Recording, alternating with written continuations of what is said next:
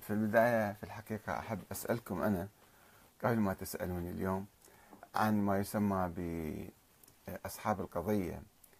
آه، يعني جاء في الأخبار أن السيد مقتدى تبرأ منهم وأصدر بيان أنهم هؤلاء ضالون مضلون وهدد بمعاقبتهم.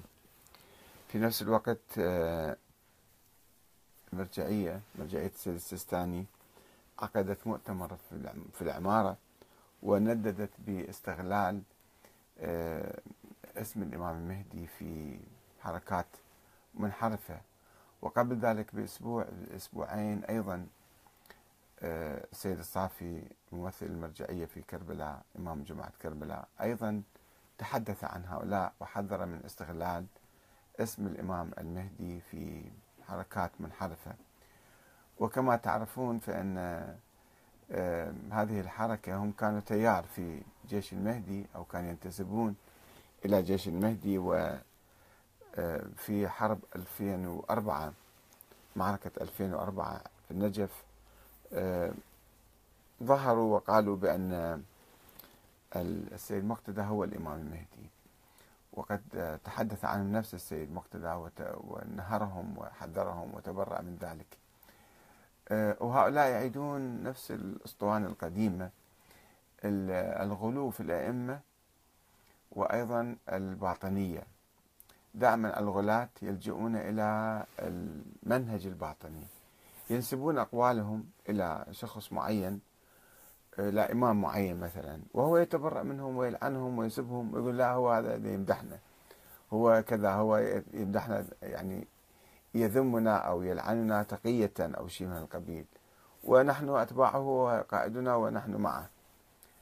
آه الآن نفس الشيء نفس الفيلم يتكرر مرة ثانية.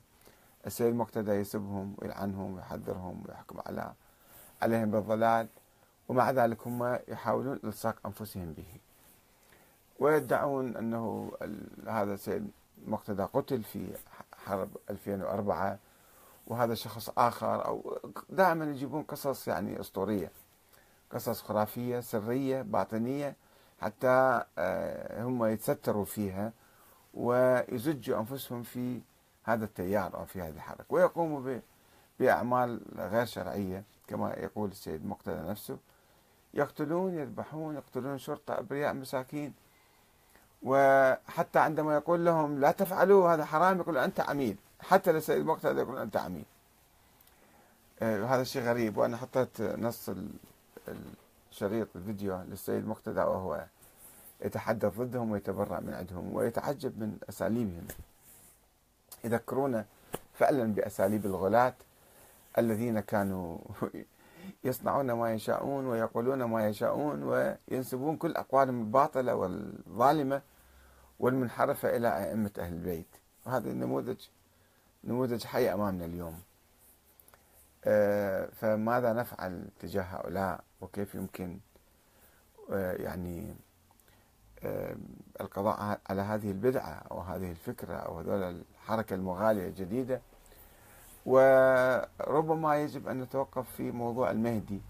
لماذا هؤلاء يستغلون اسم الإمام المهدي لأنهم ربما عندهم أفكار خاطئة عن مفهوم الإمام المهدي. ويمكن إذا كانت هناك أفكار صحيحة. والسيد مقتدى نفسه يبث ذيك الأفكار. أن المهدي فكرة عامة أي مصلح يمكن يسمى مهدي. مو أي مفسد. هم يفسدون في الأرض ويحسبون أنهم يحسنون صنعا. أنهم يعني يسوون عمل خير. يقتلون الناس أبرياء أه ويقولون نأمر بالمعروف وننهى عن المنكر. بدون ضوابط بدون قيم بدون يعني قواعد شرعية.